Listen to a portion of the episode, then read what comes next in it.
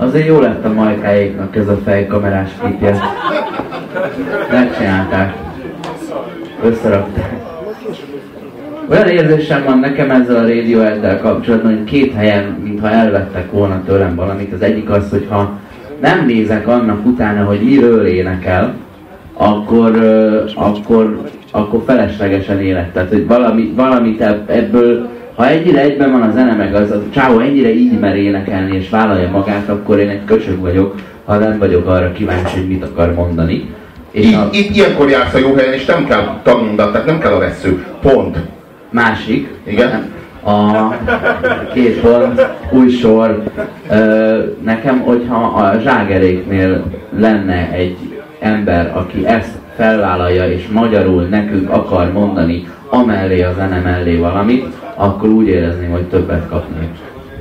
Eddig a, valahogy, mintha Tom York előtt mindenki csak tüdőből énekelt volna, és Tom York kezdett volna el szívből énekelni. Olyan az egész, nem?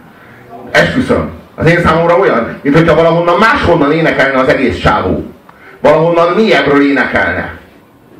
Nem tudom, ne, ne, kurva nehéz ezt egy, egy elmondani, hogy így miért, miért gondolom ezt a, a Tom Yorkról, vagy hogy így igazából egy jó instrumentális számot az ének eddig még nem tudott olyan szintekre, olyan magasságokba emelni, mint a Radiohead esetében.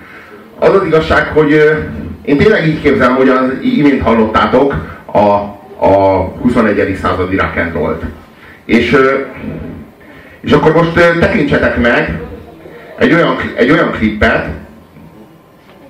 ahol a Tom York teljesen egyedül énekel. Most úgy néz ki, hogy ez a legnépszerűbb klipje jelenleg, a, még a, még a Kriplit is megelőzi a Radioheadnek. Most erre nagyon, nagyon rá, rácuppantak a tömegek erre a klipre, mert hogy a, megint olyan, olyan szégyentelenül viselkedik benne a szó legjobb értelmében. Tehát ezt értsétek jól a, a Tom York. És valami, valami, valami, tényleg valami brilliáns ez a szám az új, új lemezről, ez a, ez a Lotus Flower.